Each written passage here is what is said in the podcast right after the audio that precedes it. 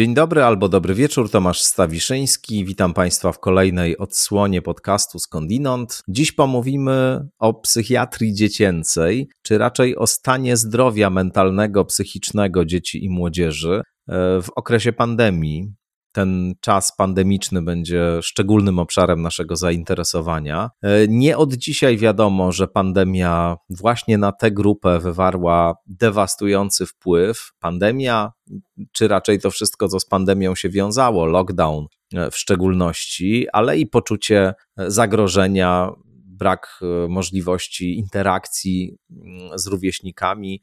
Też dla wielu dzieci czy, czy osób młodych e, szkoła była nie tylko przestrzenią spotkań z innymi, albo nie tylko przestrzenią jakiegoś po, nie wiem, op jakiejś opresji czy jakiegoś doświadczenia nieprzyjemnego, ale była też po prostu czasami jedynym bezpiecznym miejscem.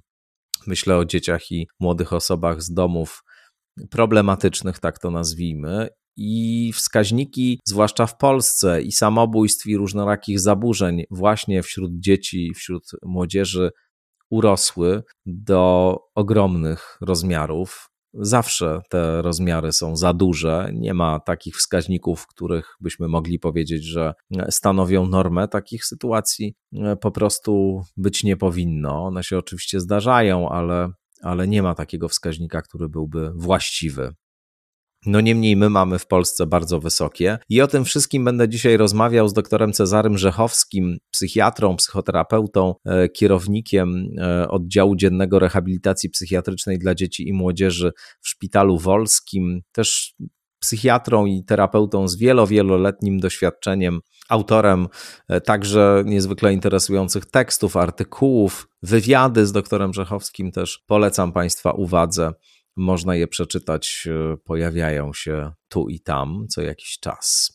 Cóż, to wszystko właściwie, co mam do powiedzenia, bo ta rozmowa jest gęsta, niełatwa momentami, ale bardzo, bardzo interesująca, także o różnych innych aspektach e, współczesności w kontekście dzieci i młodzieży rozmawiamy, o mm, świecie wirtualnym, o różnych zmianach kulturowych, społecznych i psychologicznych, których dzisiaj doświadczamy. To wszystko Państwo za moment usłyszą. Ja tym e, samym kończę mój krótki wstęp, a jeszcze chciałbym zachęcić do tego, żeby Państwo wspierali ten podcast na Patronite i na e, mojej stronie internetowej www.stawiszynski.org. Po tej rozmowie jest taka krótka informacja i podziękowania dla tych wszystkich, którzy na wsparcie się zdecydowali. Informacja, gdzie i jak można to zrobić, rzecz jasna. No dobrze, doktor Cezary Rzechowski przed Państwem.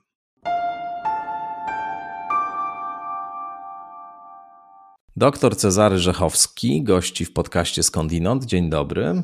Dzień dobry. Jak okiem e, psychiatry i psychoterapeuty dzieci i młodzieży te ostatnie półtora roku wyglądało? No, ja myślę sobie, że to jest e, przede wszystkim okres wielkiej zmiany, zupełnie niespodziewanej. E, I gdyby każdego z nas dwa lata temu zapytać, mm, czy taka rzecz jest możliwa, to chyba byśmy się roześmieli. Potwierdzam. Natomiast myślę sobie, że ta zmiana mm, w kontekście rozwoju dziecka, ona rzeczywiście jest niebagatelna. Nasz czas trochę inaczej płynie niż czas e, dziecka.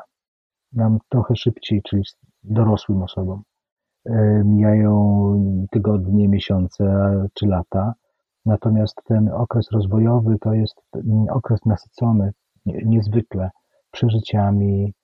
Każde wydarzenie ma znaczenie wręcz symboliczne i ono zostaje później w jakiś sposób zapamiętane, utrwalone, zinternalizowane, staje się częścią e, takiego doświadczenia, poprzez które później oglądamy świat. E, I myślę sobie, że te półtora roku rzeczywiście mm, że ten okres wywarł e, duży wpływ. Po pierwsze, dlatego, że mm, właśnie wpłynął na rozwój, a więc pewne warunki rozwoju zostały zmienione. Co mam na myśli? No przede wszystkim e, możliwości kontaktu z ludźmi, kontaktu z rówieśnikami. I sądzę, że mm, to, co przyniosła pandemia, lockdowny, brak możliwości chodzenia do szkoły, to przede wszystkim taki rodzaj mm, deprywacji w kontaktach rówieśniczych, ale w ogóle w kontaktach z ludźmi. I to, co ja widziałem, ale też moi koledzy, co widzieliśmy w centrum, w którym pracujemy, to taką rzecz, że mm, y, dzieciom, a zwłaszcza młodzieży, bardzo brakowało kontaktów rówieśniczych. Gdy otworzyliśmy nasze centrum w lipcu ubiegłego roku, a więc jeszcze w czasie pandemii, przed yy, erą szczepionek, yy, widzieliśmy jedną rzecz, że dzieciom niezwykle zależy na tym, żeby być w grupie i móc do nas przychodzić, móc do nas przyjeżdżać regularnie na zajęcia. To była naprawdę wielka wartość i wszyscy bardzo, bardzo pracowali na to i chyba to, czego najbardziej bali się, to tego, że no, mogliby w jakichś warunkach przestać do nas przyjeżdżać, niezależnie od tego, jakie były e, statystyki pandemii, to rzeczywiście dzieciom i młodzieży niezwykle zależało na, na, tych, na tych wzajemnych interakcjach. Ja widziałem, wszyscy w zasadzie widzieliśmy, że młodzież, która do nas trafia, taka młodsza młodzież przede wszystkim, e, no, trafiają z różnymi objawami lęku, depresji. E, no, w zasadzie moglibyśmy wymienić większość, bardzo dużo różnych e, problemów, zaburzeń. To mm, te objawy, zwłaszcza lękowe i depresyjne, one bardzo poprawiały się wtedy, kiedy mm, młodzież mogła być ze sobą. A więc rozmawiać, wchodzić w interakcję, kłócić się, cieszyć, nie wiem, mnóstwo przeżywać uczuć, ale wspólnie. To jest to, co odebrała pandemia w jakimś sensie tak, im, prawda? Tak. Właśnie te możliwości interakcji z rówieśnikami. Tak, ale to też starsza młodzież, mm, tacy już młodzi dorośli, to, to co oni mówili, to to, że y, takie bardzo dobre lata, no bo to już jest więcej niż rok, ich życia w jakiś sposób zostały im zabrane że mm, bardzo tego żałują, że to był dla nich ważny, potrzebny czas, żeby być razem i nie wiem, organizować najrozmaitsze przedsięwzięcia. Rozmawiałem, przepraszam, że wejdę w słowo, tylko króciutko, niedawno z pewną maturzystką tegoroczną, która opowiadała, że jej e, doświadczenie liceum, no właściwie Y, polegało na tym, że bardzo niewiele czasu spędziła ze swoimi koleżankami i kolegami, bo najpierw był strajk nauczycieli, a później pandemia, no i jakoś im to umknęło, ominęło ją to właściwie. Tak, potwierdza mi to wiele, wiele osób, y, y, podobnie mi to relacjonowało. Mm, ale to jest jeden, to jest jeden aspekt. To, są, to jest ten aspekt rozwojowy interakcji niezwykle ważny, niezwykle potrzebny. Natomiast drugi to jest związany z pewną rutyną, z pewnym e, schematem dnia, planem zajęć. No i tym, że no, rano trzeba wstać po to, żeby zdążyć do szkoły. W tej szkole ileś, ileś godzin się jest. E, potem są albo jakieś zajęcia, albo się wraca do domu, a więc każdy dzień ma, jest w jakiś sposób zorganizowany. A tutaj pandemia spowodowała to, że to się jakoś zaczęło te granice zacierać. No i niejednokrotnie wydarzyła się taka historia, że młodzi ludzie zaczynali mm, żyć trochę y, w innym rytmie dobowym. To znaczy przedłużali sobie dzień, aktywność y, dnia na godziny coraz bardziej późne, no coraz później chodzili spać.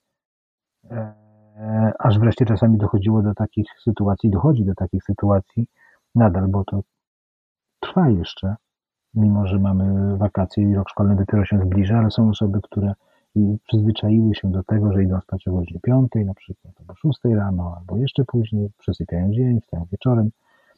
Te osoby jakoś realizowały naukę szkolną, to znaczy logowały się e, na komputerach, wyłączały kamerki, podsypiały, albo tam włączały jakiś obraz, jeżeli to było potrzebne, na którym niekoniecznie byli i tak trochę podsypiając, trochę leżąc w łóżku, jakoś ten czas e, spędzały.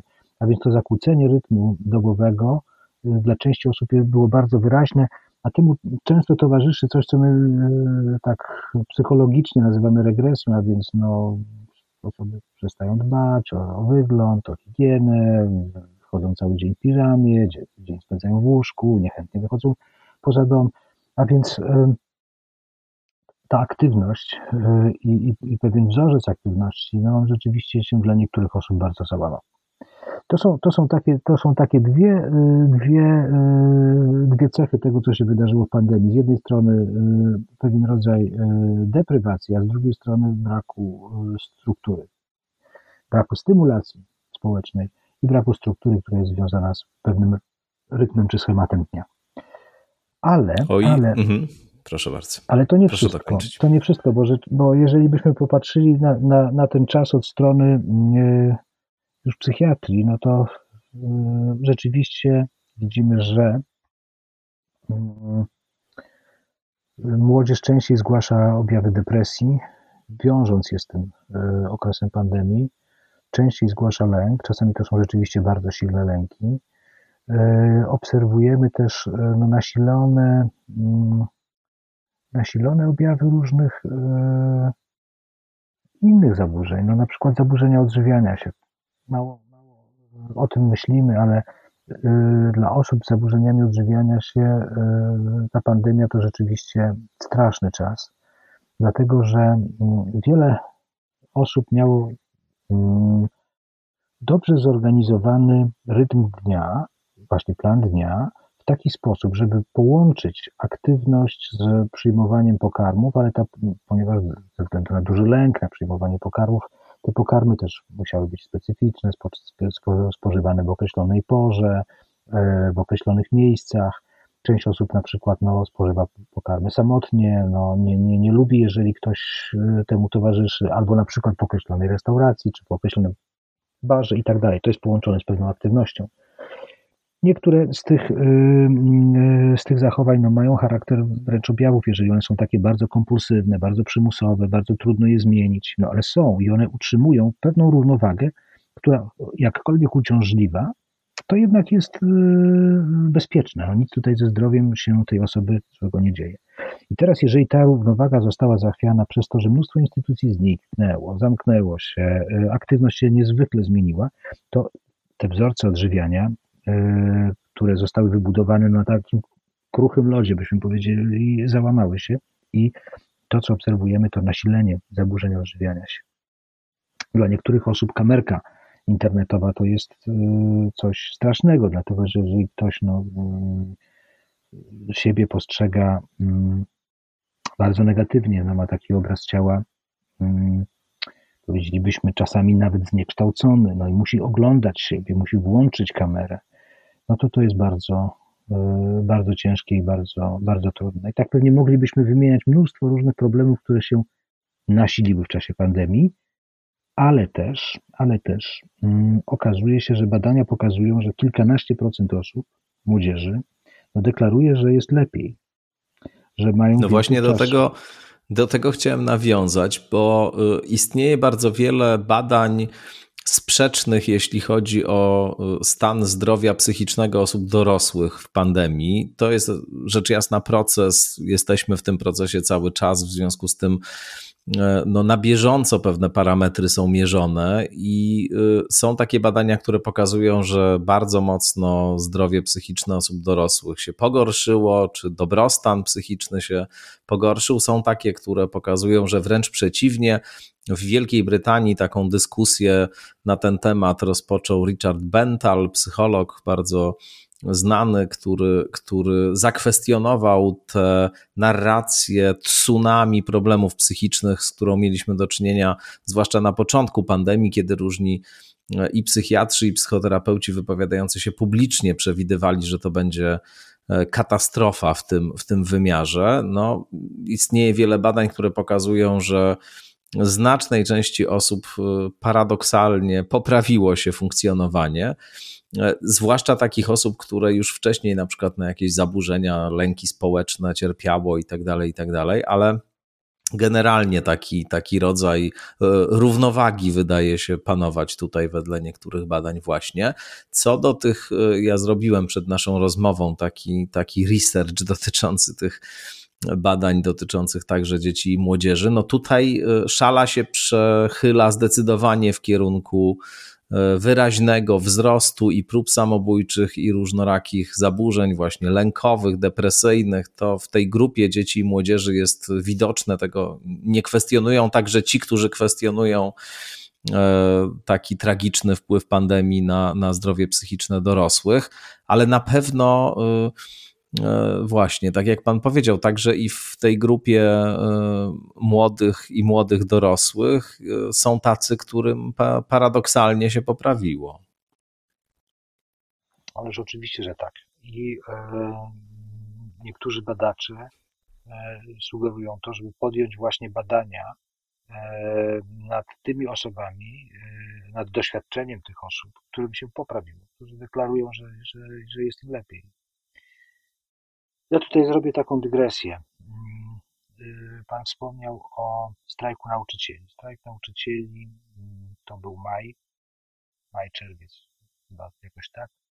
E, mm, w tym roku poprzedzającym pandemię, czyli to był 2019. I teraz wraz z grupą znajomych postanowiliśmy, że to jest bardzo ciekawy moment do tego, żeby przyjrzeć się, co, co się dzieje z młodzieżą w czasie tego strajku y, i y, jak młodzież zareaguje na y, taką nagłą przerwę w zajęciach, która się pojawiła, jest niezaplanowana i oni mają dużo wolnego czasu i co z tym czasem zrobią. Myśmy między innymi z panią Hanną Pinkowską jeździli do szkół i y, pytaliśmy się młodzieży, no jak wtedy, kiedy już ten strajk się skończył, jak oni wspominają ten czas, co z tym czasem robili i co to dla nich znaczyło. To był, to był te mm, badania, które prowadziłem osobiście, no były dla mnie niezwykle poruszające. Ja byłem w takiej małej wiosce, w szkole mm, podstawowej i co, co, mówiła, co mówili ci młodzi ludzie, e, którzy, e, którzy przyszli do szkoły po przerwie. To nie, to nie są te najmłodsze dzieci. Siódma, ósma klasa to była to, był, to była chyba piąta klasa, jeśli dobrze pamiętam. E, a więc y, mm, słyszałem najczęściej coś takiego, że e, no, wreszcie pojawiło się dużo wolnego czasu i jedna osoba mówi, ja mogłam odwiedzić tatę, moi rodzice są rozwiedzeni, ja bardzo rzadko mogę się spotykać z tatą ze względu na jakąś odległość dużą, a tutaj mogłam pojechać i spędzić z tatą więcej czasu. Następna osoba mówi, y, ja mogłam być z kolei e, z babcią i tam jeszcze spotkałam się ze swoim kuzynem y, i też spędzaliśmy czas, y, no, mówi o jakichś takich zabawach. Jeszcze inna osoba mówi, ja mam młodszego brata i on kończy teraz roczek i zaczął, ja się nim opiekowałam i widziałam jego pierwsze kroki. Kolejny chłopiec mówi coś takiego, a ja z kolei jeździłem z tatą traktorem i mu tam pomagałem w polu.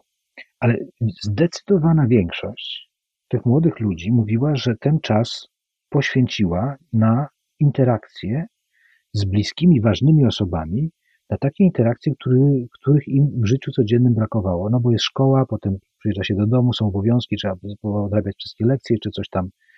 To była mała wiejska szkoła pomóc w domu i, i, i, i na te interakcje nie było czasu. Tutaj się to nagle pojawiło i ten czas został w ten sposób wykorzystany. Dla nas był to szok, ponieważ myśmy myśleli, że te dzieci będą siedziały przed komputerami, przed y, smartfonami i tak dalej, ale nic z tych rzeczy.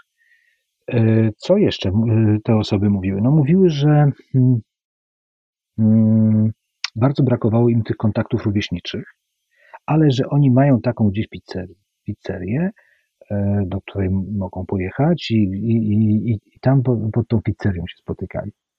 Więc, y, ale to było trudne, to było ciężkie. To trzeba było jechać na rowerze gdzieś tam do jakiejś innej miejscowości i tam można było umówić się ze, ze znajomymi. I, I, to był poważny brak.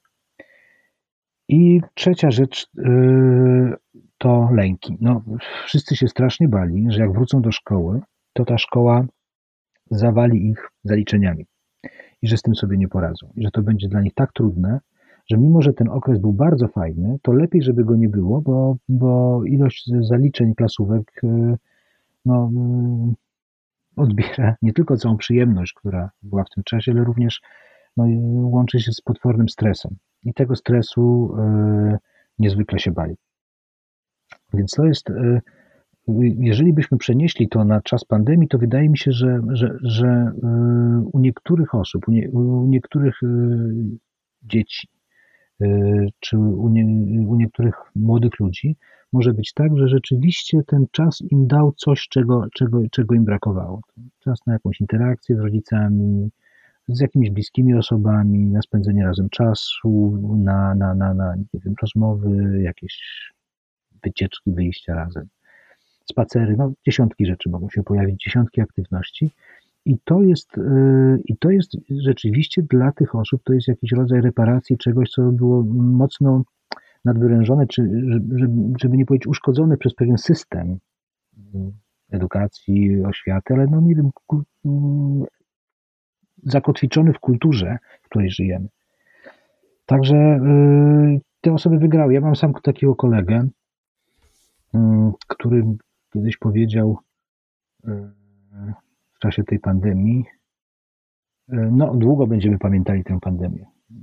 Tylko to bardzo dobre doświadczenie tak naprawdę, bo przestał być tak obciążony pracą, przestał być tak zestresowany. Pracę, którą miał wykonywał, ale wykonywał w innych warunkach w domu i, i jego życie bardzo się e, zmieniło pozytywnie. Więc rzeczywiście jest taka grupa. No, oczywiście ten stres wynikający z chodzenia do szkoły tutaj jakoś e, odpadł, przynajmniej dla tej części dzieci i młodzieży, dla których szkoła no przede wszystkim była źródłem stresu, a nie była, jak to czasami bywa, jakimś jedynym na przykład miejscem, w którym mogli poczuć się dobrze, w którym, nie wiem, mogli coś zjeść, mogli e, czuć się bezpiecznie. Takie, takie osoby też oczywiście są, zwłaszcza z tych rodzin, w których nie, nie najlepiej się dzieje ale y, jak to wszystko y, wyglądało, jeśli chodzi o przeniesienie nauki do sfery wirtualnej? Bo słyszałem od wielu osób, które mają dzieci w takim wieku szkolnym, że no, to było bardzo trudne dla, dla ich dzieci do wytrzymania na dłuższą metę, siedzenie nieustanne przed komputerem, no i że ta edukacja to już jest jakby inna sprawa, nie była jakościowo porównywalna do edukacji niewirtualnej, ale że to też było bardzo silne obciążenie e, dla wielu, e, dla wielu dzieci. E, zadaję to pytanie w kontekście w ogóle wpływu, o to chciałem Pana też zapytać, wypływając już na szersze, niekoniecznie pandemiczne wody, wpływu rzeczywistości wirtualnej na zdrowie psychiczne i dobrostan psychiczny dzieci. Dużo jest takich publikacji, które pokazują e, korelacje pomiędzy wprowadzeniem smartfonów, e, tych e, z ogólnodostępnymi aplikacjami społecznościowymi typu Instagram czy Facebook, zwłaszcza Instagram, który jest na, na obrazach oparty przede wszystkim. Korelacje pomiędzy wprowadzeniem smartfonów a bardzo intensywnym zwiększeniem się występowania różnych problemów i zaburzeń e, w tej grupie wiekowej mniej więcej między 10 a, a, a 17-16 lat.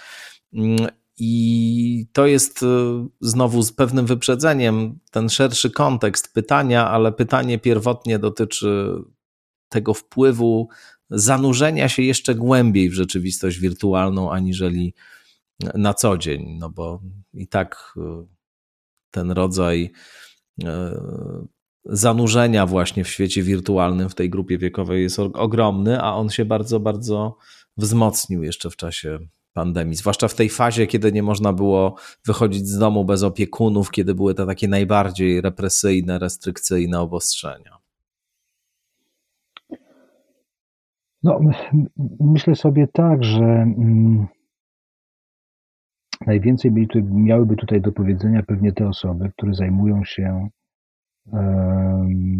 terapią e, dzieci i młodzieży, która jest uzależniona od e, smartfonów, komputerów, od właśnie tej rzeczywistości wirtualnej.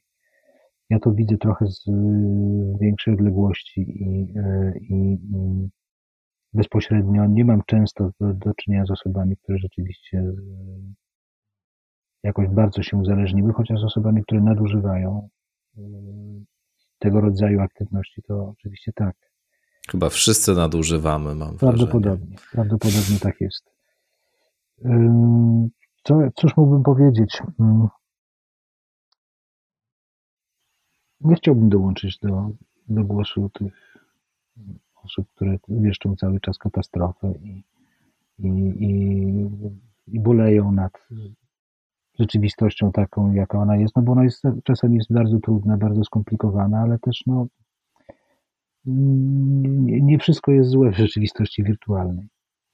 Ja myślę, myślę tak, że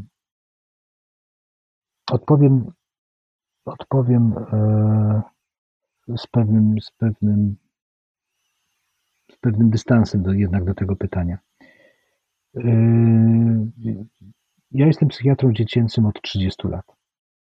E, I przez te 30 lat to nie, to nie jest dużo, ale na, na tyle dużo, że można zobaczyć, jak się e, zmienia mm, młodzież, jak się zmieniają, e, zmienia aktywność młodzieży, ich hobby, zainteresowania i tak. I rzeczywiście to co, to, co, to, co widzę w tym czasie, to ogromna zmiana. To znaczy, w latach 90., czy jeszcze na początku wieku, y, bardzo wiele osób miało jakieś zainteresowanie. Praktycznie każda młoda osoba czymś się interesowała, y, miała pasję, miała hobby, y, słuchała jakiejś muzyki. I, Też subkultury istniały wtedy jeszcze, tak. prawda? Pamiętam, bo sam byłem członkiem jednej z subkultur fanów zespołu Depeche Mode, ale no, było naprawdę bardzo wiele takich, takich grup, takich subkultur, które łączyła zamiłowanie do jakiejś muzyki właśnie zazwyczaj. Ja muszę powiedzieć, że subkultury się odradzają. Subkultury się odradzają. Yy, to, to jest bardzo, bardzo ciekawa, ciekawe zjawisko, ale to, do, do, tego, do tego może za chwileczkę przejdę. Jasne. natomiast rzeczywiście yy, gdy, myśl, gdy, gdy, gdy rozmawiałem z młodymi ludźmi, to takie ulubione pytanie, które mogłem im zadać, ulubione przez, przez, przez młodzież, to było to, czym się interesują i jak spędzają wolny czas. No i tutaj odpowiadano mi bardzo różnie, to, to, to, ale czasami ja spotykałem zazwyczaj osoby, które no, interesowały się, nie wiem, malarstwem, impresjonizmem, yy, wymieniali mi mnóstwo nazwisk malarzy, obrazów, yy, często sięgali do, do literatury, mieli jakiś swoich, czy miały yy, ulubionych poetów albo poetki. I to było, i, i to był nie, nieprawdopodobny ka, kanał komunikacji, rozmowy i nawiązania jakiegoś kontaktu. I to rok po roku zaczęło słabnąć. W tej chwili, jeżeli zadaję takie pytanie, to bardzo podejrzliwie się na mnie patrzą, jak na przybysza z jakiejś innej planety e, i e, no, no, no, różnymi rzeczami się interesuje, taka jest odpowiedź. A, jak spędzasz czas? No, no, no po prostu, no, coś tam oglądam na smartfonie. Jakie to, a jakie strony? No różne strony. No, a, a, muzyki jakiej słuchasz? Tak, słucham. Jakiej? No różnej. A możesz wymienić jakiś nie wiem, zespół, jakąś kompozycję, którą lubisz. No różne zespoły, no różne, różne kompozycje mi się podobają. Mm. No, takiego nie mam jakiegoś, który mi się podoba, ale chociaż czy znasz nazwę takiego zespołu? No nie, nie przychodzi mi żadna do głowy. No, no różnej muzyki słucham. I to, to mniej więcej wygląda tak. Więc ja się zastanawiam, jak ten czas, jak ten czas spędzony przed smartfonem wygląda. I teraz druga rzecz. Myślę sobie, że młodzież nas specjalnie do tego świata nie wpuszcza że niespecjalnie mamy do czynienia z, e, mm, z, z, to, z, tą rzeczywistością, w której jest. Ja myślę sobie, że to jest też taka rzeczywistość, ona też jest trochę tak przeżywana na pograniczu snu, jawy. Jeżeli my byśmy się zastanowili, ile czasu. Realne i, i wirtualne się ze sobą trochę miesza. Ależ oczywiście. Hmm. Gdybyśmy się zastanowili, ile czasu spędzamy przy smartfonach, to y, nie wiem, czy, czy, czy bylibyśmy w stanie powiedzieć, oszacować to nie mierząc tego czasu w jakiś sposób, a gdybyśmy mieli powiedzieć, co my tam w zasadzie robimy i oglądamy, i na co nam, na najwięcej tego czasu nam idzie, to być może to by były jakieś filmiki, które gdzieś tam wyskakują, jakieś, jakieś, jakieś przypadkowe zdjęcia, jakieś takie przypadkowe artykuły, informacje sensacyjne. Myślę, że, że większość czasu to byłby tego rodzaju przekaz. A może nie większość, ale dużo, dużo czasu zajmowałby tego rodzaju przekaz i sądzę, że tak może też być z młodzieżą. Chociaż, chociaż to, co my widzimy również w, tych, w tym czasie, w tych czasach, to to, że e, bardzo wiele osób, e, bardzo wiele młodzieży, dotyczy to zwłaszcza dziewcząt, e, deklaruje swoją, swoje poszukiwania w zakresie płci, w zakresie gender. No i teraz właśnie, czasami możemy użyć słowa dziewczęta, czasami powinniśmy powiedzieć transpłciowi chłopcy i tak te osoby chcą być nazywane, ale mamy do czynienia z naprawdę dużą grupą osób niebinarnych. Dlaczego tak, dlaczego, dlaczego ta, tak jest? Dlaczego ta grupa naprawdę jest, jest, jest duża i poszukuje bardzo ważnych odpowiedzi na pytania dotyczące siebie, swojej tożsamości, swojej identyfikacji, swojego miejsca w świecie? My nie, nie, nie umiemy odpowiedzieć. No, jedna z odpowiedzi jest takich, że mamy do tego warunki, to znaczy, że można o tym mówić, że to nie jest wstyd, że to nie jest yy, nic złego, tak się określać, a wręcz to jest pewna droga do, do, do, do jakby zrozumienia siebie, jeżeli człowiek tak siebie postrzega. Ale z drugiej strony, mm, to może być bardzo kontrowersyjne, co teraz powiem. Zadałem takie pytanie e, studentom, wtedy kiedy jeszcze prowadziłem zajęcia ze studentami.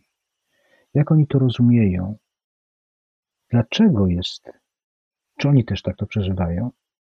I, i, i skąd to się może brać, że tak dużo osób przeżywa siebie, postrzega siebie jako osoby niebinarne? Nie, nie, nie czy to jest związane z tym, że jest mniejsza cenzura zewnętrzna, nie wiem, wewnętrzna, że, że, że mamy więcej wolności? I rzeczywiście chyba większość osób odpowiedziało na tak, ale były osoby, które mówiły, że, mm, że to może być coś innego, że ta, yy, ten świat wirtualny, a zwłaszcza Instagram, dostarcza tak ogromnej ilości perfekcyjnych obrazów dotyczących ciała, wyglądu, i tak w ten sposób e, opisuje ideał, idealny obraz ciała według takiej binarnej, binarności, że to jest nie do wytrzymania, nie do zniesienia. Hmm. I że odrzucenie binarności jest wyjściem z takiej strasznej pułapki, gdzie jest nienawiść do siebie, nienawiść do swojego ciała, nienawiść do, do, do, do swojego wyglądu i tak dalej. Ja spotkałem się z, taką, z, takim, z takim określeniem, z takim, z, taką, z takim opisem i e, to mi bardzo, bardzo, bardzo dużo dało do myślenia, chociaż ja nie mam zdania wyrobionego na ten temat, to jednak e, na pewno, na pewno e, to spostrzeżenie mm, powinno nam dać impuls do rozważań, a może nawet badań nad wpływem tych, tych wyidealizowanych obrazów i tych e, influencerów, którzy no mają, nie wiem, tysiące, dziesiątki tysięcy, setki tysięcy osób, które je obserwują, na, e, na postrzeganie siebie, na postrzeganie swojego ciała, na mm, akceptację siebie, nieakceptację siebie i tak dalej, i tak dalej. To jest bardzo, to jest bardzo ważne. I to jest taka nisza, do której my specjalnie nie, nie mamy dostępu już w tym wieku, w którym jesteśmy. To jest zamknięte dla nas. To, to, tu jest tam... jeszcze, mhm. tu, tu, tu mhm. mi się wydaje, że, że istotne jest jeszcze to, że to nie jest tylko ten taki, e, choć to jest oczywiście główny aspekt sprawy, terror e, tych doskonałych obrazów e, ciała i, mhm. i różnych też narzędzi do tego, żeby modyfikować mhm. wizerunek mhm. swój własny na zdjęciu, w mhm. poście i tak dalej, a później konfrontować się na przykład w lustrze z ciałem, które nie poddaje się wpływowi takich, takich łatwych narzędzi modyfikacji i można wtedy sięgać po, po, po bardziej e, intensywne i, i konkretne narzędzia. E, to jest też e, zarazem w parze czy, czy w pakiecie z tym, z tym idealnym ciałem, no właściwie cała społeczna wartość, atrakcyjność, wizja sukcesu życiowego, wizja tego, kim E, należy być, żeby być e, człowiekiem spełnionym, szczęśliwym, zadowolonym i tak dalej. I to się wszystko redukuje do tego właśnie idealnego wyobrażenia, idealnego wizerunku e, doskonale sprofilowanego ciała i, i, i rzeczywiście to, to na pewno musi działać destrukcyjnie. To, to kilka takich co najmniej publikacji na ten temat mi się E, przypomina przede wszystkim pracę Jonathana Haidta i, i June Tweeney, autorki iGeneration, no, którzy, którzy bardzo wiele miejsca właśnie poświęcają temu, temu wpływowi, który jest wychwytywalny na poziomie korelacji, oczywiście, bo to się czasowo ze sobą zazębia, ten rodzaj e, narastania rozmaitych problemów związanych z tożsamością, właśnie problemów związanych z zaburzeniami lękowymi i tak dalej, i ekspansji tych, tych mediów społecznościowych i smartfonów. No tak, to, ten temat jest od, od, dawna, e, od dawna badany i że, że te rzeczywiście idealne obrazy ciała mm, nas męczą, maltretują i, e, i są źródłem ogromnego cierpienia, że nie możemy tak wyglądać, jakbyśmy, jakbyśmy chcieli, albo jak kultura, w której żyjemy, nas, E, czym nas bombarduje i, ideały, e, które tworzy.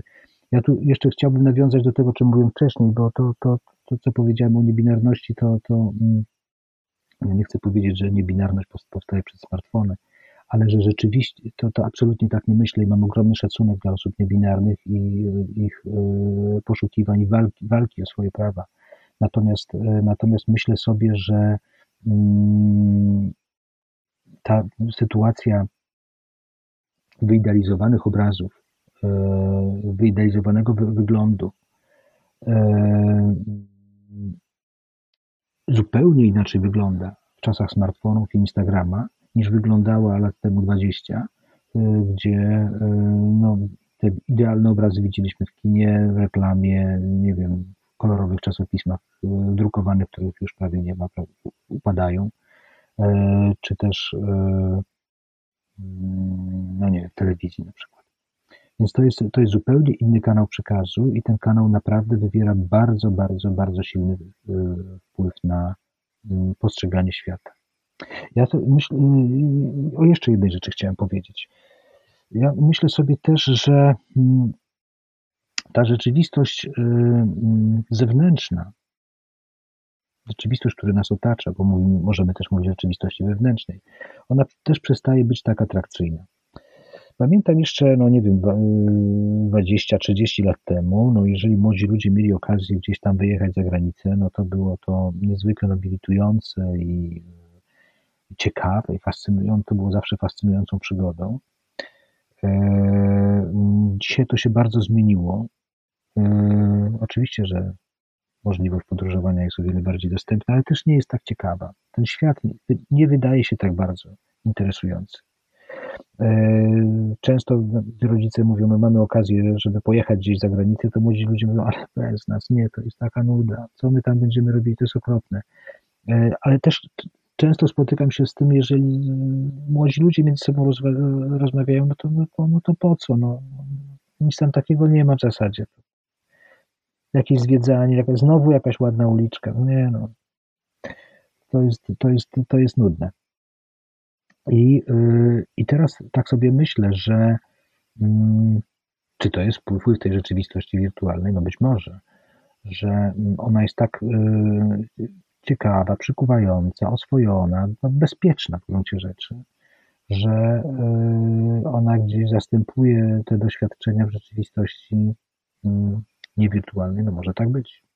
Może też ekspansja radykalna turystyki, która jednak sprawia, że właściwie gdziekolwiek się nie pojedzie, mówię o tych miejscach takich no najbardziej i najchętniej odwiedzanych albo z jakimś kapitałem kulturowym, tam wszędzie e, tłumy przerażające się przetaczają i, i ma się wrażenie, że chodzi tylko o to, żeby e, w jak najszybszym tempie zaliczać kolejne elementy czy kolejne punkty do obejrzenia i, i właściwie cała E, cała taka warstwa jakiegoś głębszego kontaktu, na przykład z inną kulturą, znika, no bo wszędzie to wszystko wygląda mniej więcej tak samo, wszędzie stoją stragany, wszędzie są tłumy i, i, i gdzieś niknie to, doświadczenie, które u podstaw na przykład ongiś podróżowania było. Trochę brzmimy tak, e, czy ja brzmię przede wszystkim, jak to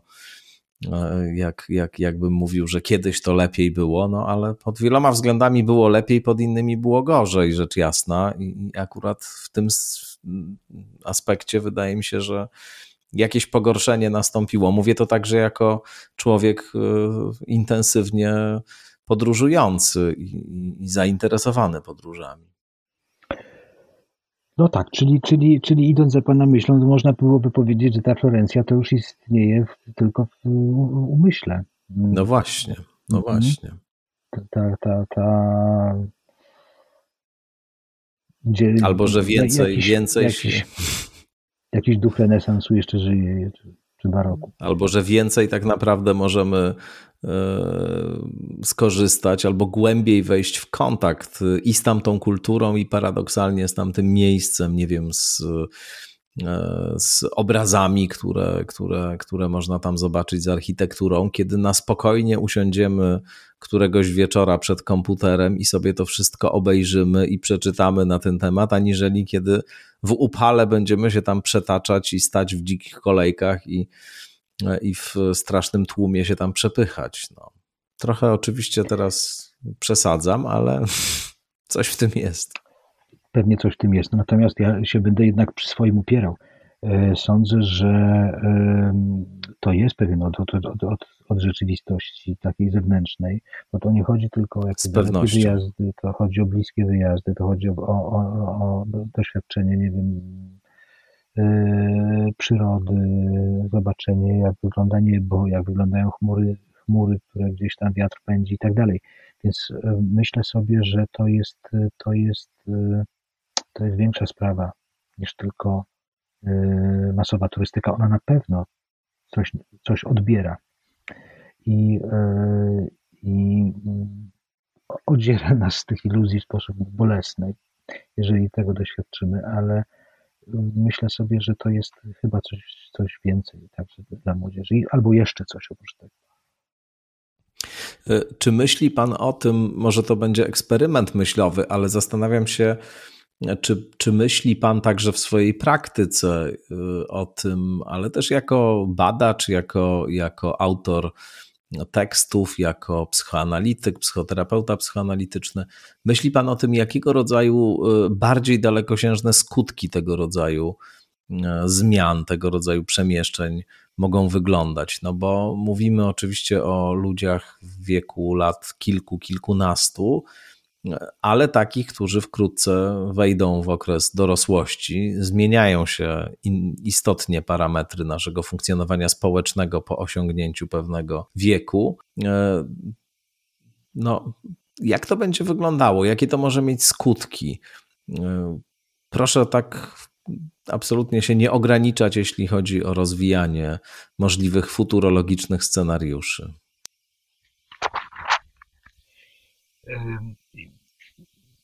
jeżeli, jeżeli e, miałbym myśleć o przyszłości, to jednak warto spojrzeć najpierw wstecz. I co ja widzę e, w tych mm, generacjach, które, mm, z którymi miałem kontakt już na takiej stopie zawodowej, e, no i to wtedy były dzieci albo młodzież, a dzisiaj to są dorosłe osoby bo jeżeli ja kogoś leczyłem w wieku 10 lat, to dzisiaj ta osoba może mieć 40, że to miała 20, to dzisiaj może być 50. I niejednokrotnie są, są takie osoby, z którymi mam kontakt przez lata. Mm, I mm, myślę sobie, że wejście w dorosłość, ale nie taką wczesną dorosłość, nie wiem, czy gdzieś to się dzieje około 30 roku życia, może po 30 roku życia, pewnie po 30 roku życia.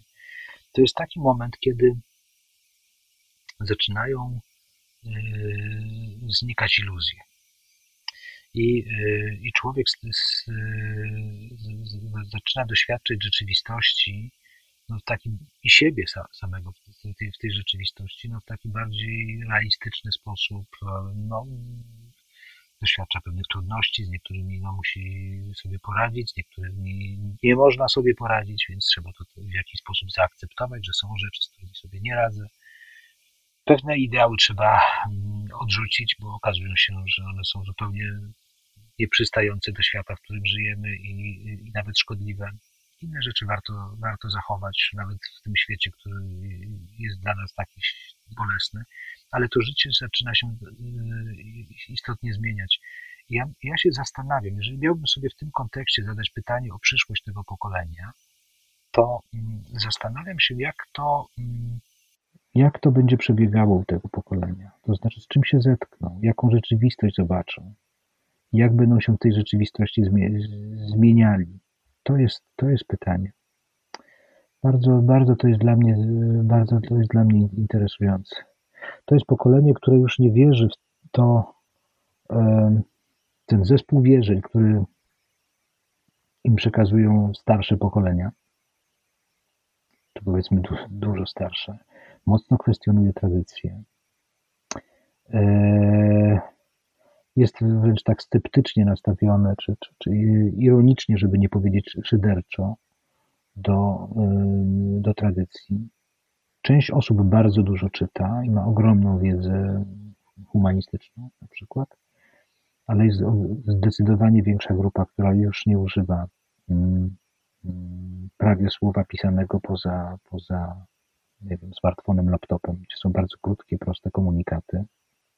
Zresztą to ciekawe, bo teraz mm, przebywałem gdzieś za granicą, ja zawsze sobie biorę taki jakiś notatnik do notowania swoich myśli spostrzeżeń i y, chciałem go kupić tutaj w Polsce, ale nigdzie nie mogłem, nie mogłem dostać takiego, takiego akurat małego zeszytu, o który mi chodziło. Myślałem, że sobie kupię go za granicą, ale okazuje się, że tam też miałem duże problemy z kupieniem, a więc myślę sobie, że y, jak mówimy o tym, że, że, że, że prasa z jednej strony drukowana, no, nakłady prasy drukowanej bardzo spadają, to myślę sobie, że zapotrzebowanie na zeszyty, na notatniki y, też dramatycznie dramatycznie spadło, bo one okazuje się, że nie są takie łatwe do kupienia w środku wakacji na przykład. I, y, i no i właśnie tak myślę. Znam to, też próbowałem sobie kupić niedawno taki notatnik, który bardzo lubię i też, i też miałem z nim problemy. Czyli, czyli wracając do tej przyszłości, ja, ja myślę sobie tak, że mm, oczywiście to są moje fantazje. Ja nie mam żadnych y, podstaw, żeby twierdzić, że tak będzie, natomiast no, mogę fantazjować sobie. Ja myślę sobie tak, że to może być pokolenie, mm, które mm, będzie doświadczało gniewu. To może być pokolenie, które się rozgniewa na rzeczywistość taką, jak, taka, jaką ona jest. I może w tym pokoleniu być grupa osób, która będzie chciała wziąć odpowiedzialność za rzeczywistość, za to, no, za, za, swój wpływ na, na, na, na, na, na postać świata, w którym żyją. E, I, e, I w tym sensie to pokolenie, to są oczywiście moje, pewnie moje chcieństwo w tym jest, może się różnić od tego pokolenia, które jest tak dobrze przystosowane w tej chwili i tak bardzo mm, wtapia się, adaptuje do, do, do, do tych warunków, które są tutaj. Myślę sobie o ostatnim artykule Andrzeja Ledera w krytyce politycznej, który omawia badania mm, pana mm, e, pana, pana e, Sadury i pana Sierakowskiego. E, myślę sobie, że faktycznie to co, to, co obserwujemy, a więc pewien rodzaj indywidualizmu, zanik empatii, mm, skoncentrowanie tylko i wyłącznie na swojej karierze i tam powiedzmy no, najbliższym swoim otoczeniu, ale to też w taki dosyć charakterystyczny sposób. Oczywiście nie można tego ogólniać, ale, ale coś, coś takiego jest, że, że pewnie kolejne pokolenie temu zaprzeczy. No. Tak mam, mam takie, takie przeczucie. Ale to będzie w warunkach pewnie dosyć, dosyć trudnych, przykrych. No, mamy tu jeszcze takie zjawisko, y, bardzo jestem ciekaw Pana opinii na jego temat. Ono, ono mam wrażenie, y, coraz intensywniej się zaznacza. Poza tymi wszystkimi kwestiami, o których mówiliśmy, jest jeszcze ten wymiar y, taki, powiedziałbym, aktywistyczno-soteryczny, związany z tym, w jaki sposób postrzega się rolę dzieci i młodzieży w dzisiejszym świecie. To znaczy, Myślę, że e, coraz większe brzemię odpowiedzialności e, składane jest na dziecięce barki i e, istnieje taka narracja, w której dzieci zbawią świat, uratują nas przed globalnym ociepleniem i skutkami globalnego ocieplenia, katastrofą klimatyczną i tak dalej. Tutaj figura Grety Thunberg, która została właśnie w takiej roli E, no, bez mała kogoś, kto przychodzi jako, jako e, z jednej strony e, ktoś, kto słusznie ukaże i, i przywoła do porządku tych wszystkich, którzy Ziemię do złego stanu doprowadzili, a z drugiej poprowadzi nas wszystkich do tego, żeby uratować się i, i, i jakoś naszą opłakaną sytuację poprawić. No, istnieje w psychoterapii pojęcie parentyfikacji, to znaczy obsadzania dzieci w roli dorosłych i oczekiwania, że dzieci będą dorosłymi się opiekować, a nie, a nie odwrotnie. Mam wrażenie, że trochę kulturowo w takim stanie, e, powiedziałbym, e, powszechnej parentyfikacji się znaleźliśmy, że te role się poprzestawiały i dzisiaj to dzieci właśnie występują w takich funkcjach, w takich, w takich, w takich pozycjach właśnie tych, którzy, na których barkach to wszystko spoczywa, nie tylko odpowiedzialność za ich osobiste losy, ale i los planety właściwie. I jak pan na to patrzy, na to, na to zjawisko? Ono tyleż mówi, mam wrażenie, o dorosłych, i, i ile o dzieciach, czy może nawet raczej więcej mówi o dorosłych, aniżeli o, o dzieciach, właśnie. Y, ale wydaje mi się, że to nie jest zjawisko nowe. Że to zjawisko, ono, ono jednak. Y, to jest archetypowa fantazja o tym dziecku, które przychodzi i zbawia, o tak, istocie tak, niewinnej, która, która niesie, y, niesie ratunek. No, pan, pan wspomniał właśnie o tej roli soterycznej. I no przecież Lourdes, no to, to, to czy może nie, może nie Lourdes, tylko um, objawienia Fatimy. Fatima. Tak. Fatima. E, Fatima, no to jest właśnie, to jest, to jest właśnie ten, ten przykład, ale że, że, że, dzieci mówią coś takiego, co trzeba e, dopiero rozszyfrować, odkodować w jakiś sposób e, i, i tam się zawiera cała wiedza o przyszłości naszej, a jednocześnie te dzieci ponoszą jakąś później ofiarę, muszą ponieść z tego powodu. Więc y, ja myślę sobie, że, ten, że, że y, chyba ten, ten, mm, ta figura, ona się rzeczywiście powtarza ciągle, powtarza się bez, bez przerwy. To, co mnie y, zaciekawia, to zapotrzebowanie na tego rodzaju figury. Mm, a więc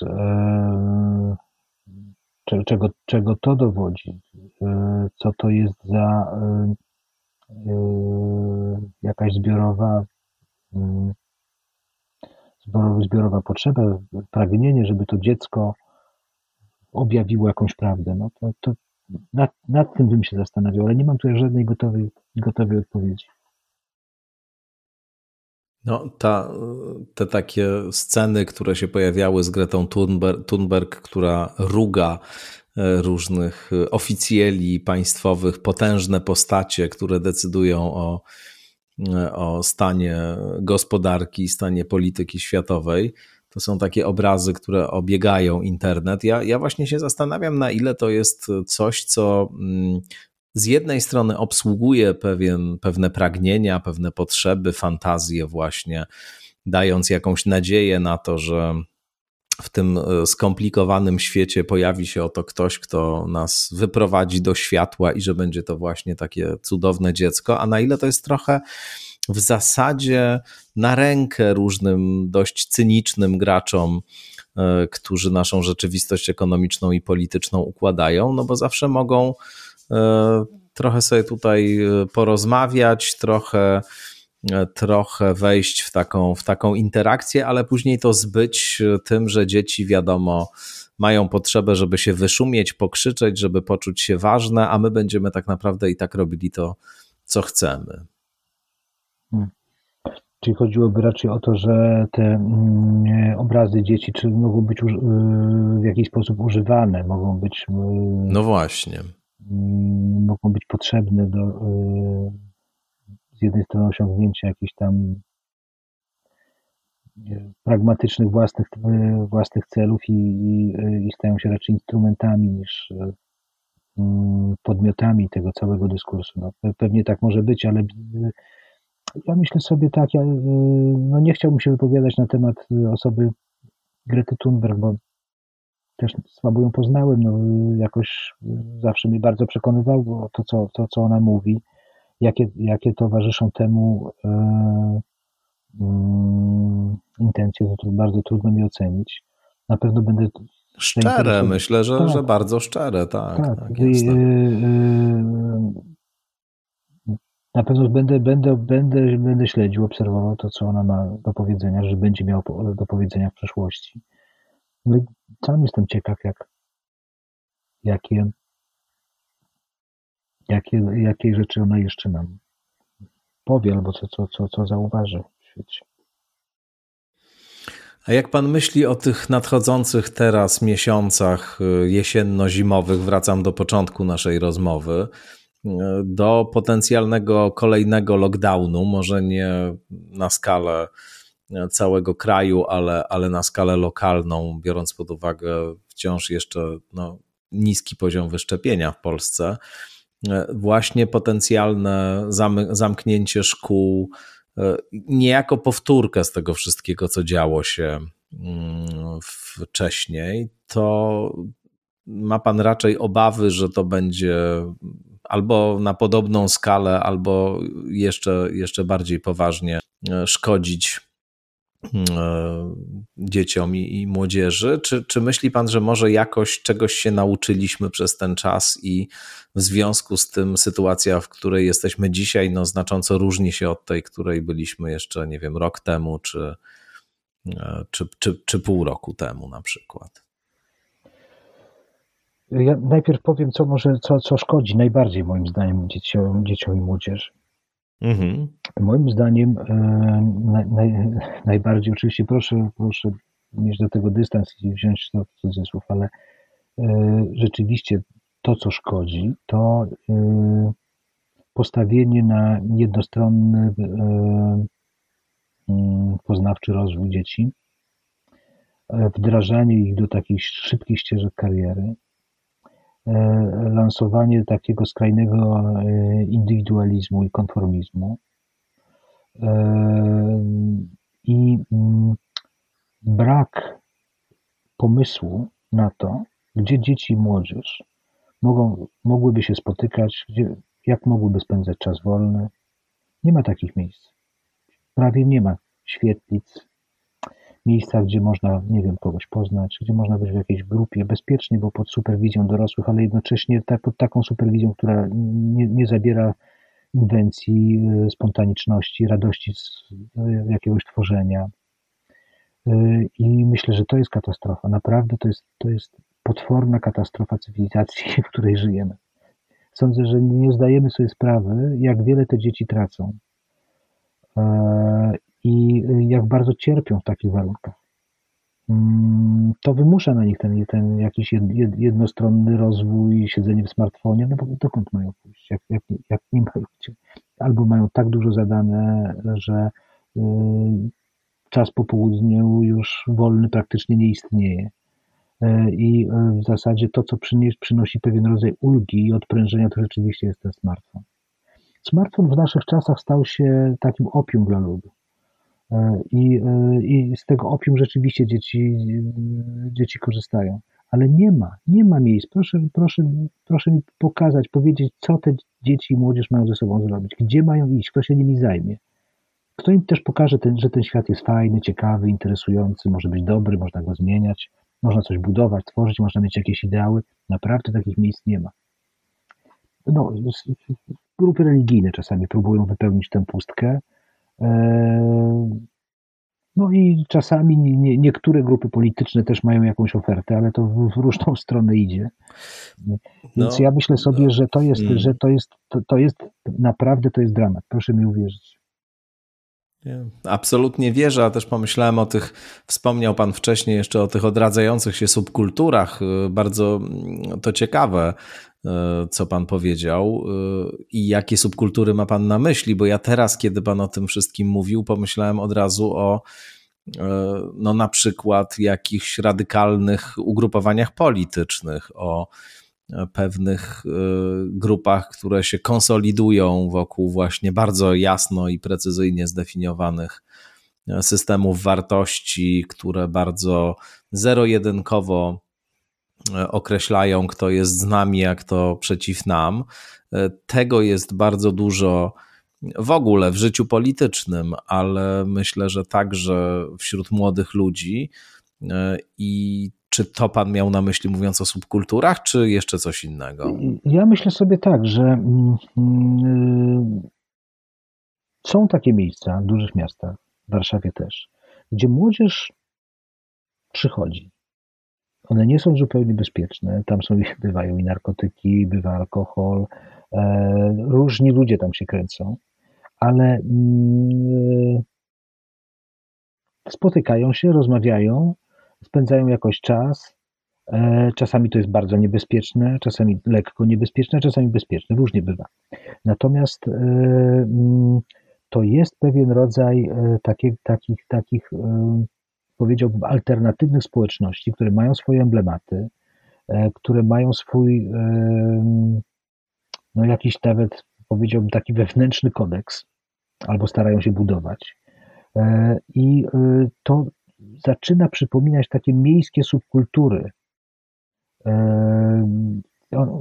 Być może są badane, być może są jakoś nazwane, ale ja nie, nie, nie spotkałem się z tym do, do tej pory. I wydaje mi się, że one rzeczywiście wypełniają tą covidową pustkę, czy pokowidową pustkę, że to są miejsca integracji, spotkania ludzi.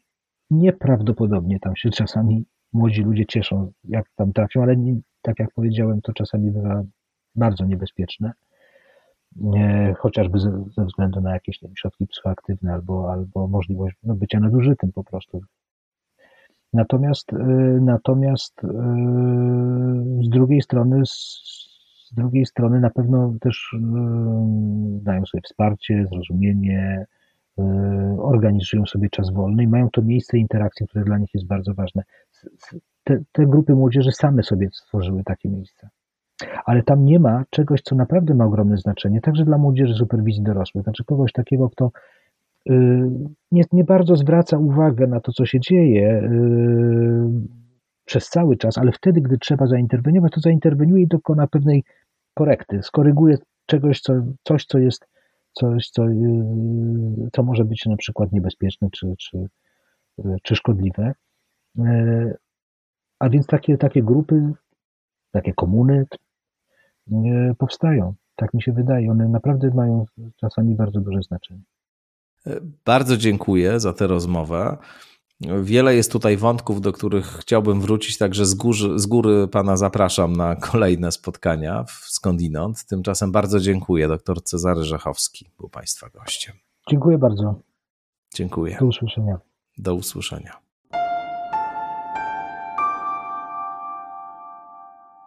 Jeżeli uznajecie ten podcast za wartościowy, jeżeli macie poczucie, że coś istotnego w wasze życie, w wasze rozumienie świata wnosi, to zachęcam do tego, żeby wspierać skądinąd finansowo za pośrednictwem Patronite albo mojej strony internetowej www.stawiszynski.org. No, na Patronite to prosty adres www.patronite.pl łamane na skandinat. Każdy grosz się liczy, każdy grosz pozwala istnieć i rozwijać się temu podcastowi. Przypomnę, że dla subskrybentek, subskrybentów, e, wszystkich mamy grupę zamkniętą na Facebooku, na której dyskutujemy, wymieniamy się różnymi e, tekstami, obserwacjami. A dla osób, które wspierają ten podcast kwotą 20 zł miesięcznie i wyżej, mamy również specjalny newsletter, który wysyłam co tydzień po każdym odcinku w środy i który zawiera rozmaite rekomendacje dotyczące tego, co jeszcze warto przeczytać, z czym może warto się zapoznać, jakie książki warto mieć. To wszystko oczywiście w kontekście czy wokół tematu, który w danym odcinku jest. Wszystkim patronkom, patronom, subskrybentkom, subskrybentom bardzo, bardzo serdecznie dziękuję za każde wsparcie. Dzięki dla pani Iwony Górskiej-Kotca, która jest absolutną rekordzistką, jeśli chodzi o wspieranie podcastu Skądinąd i życzę Państwu oczywiście wszystkiego najlepszego. No i jeszcze raz do usłyszenia.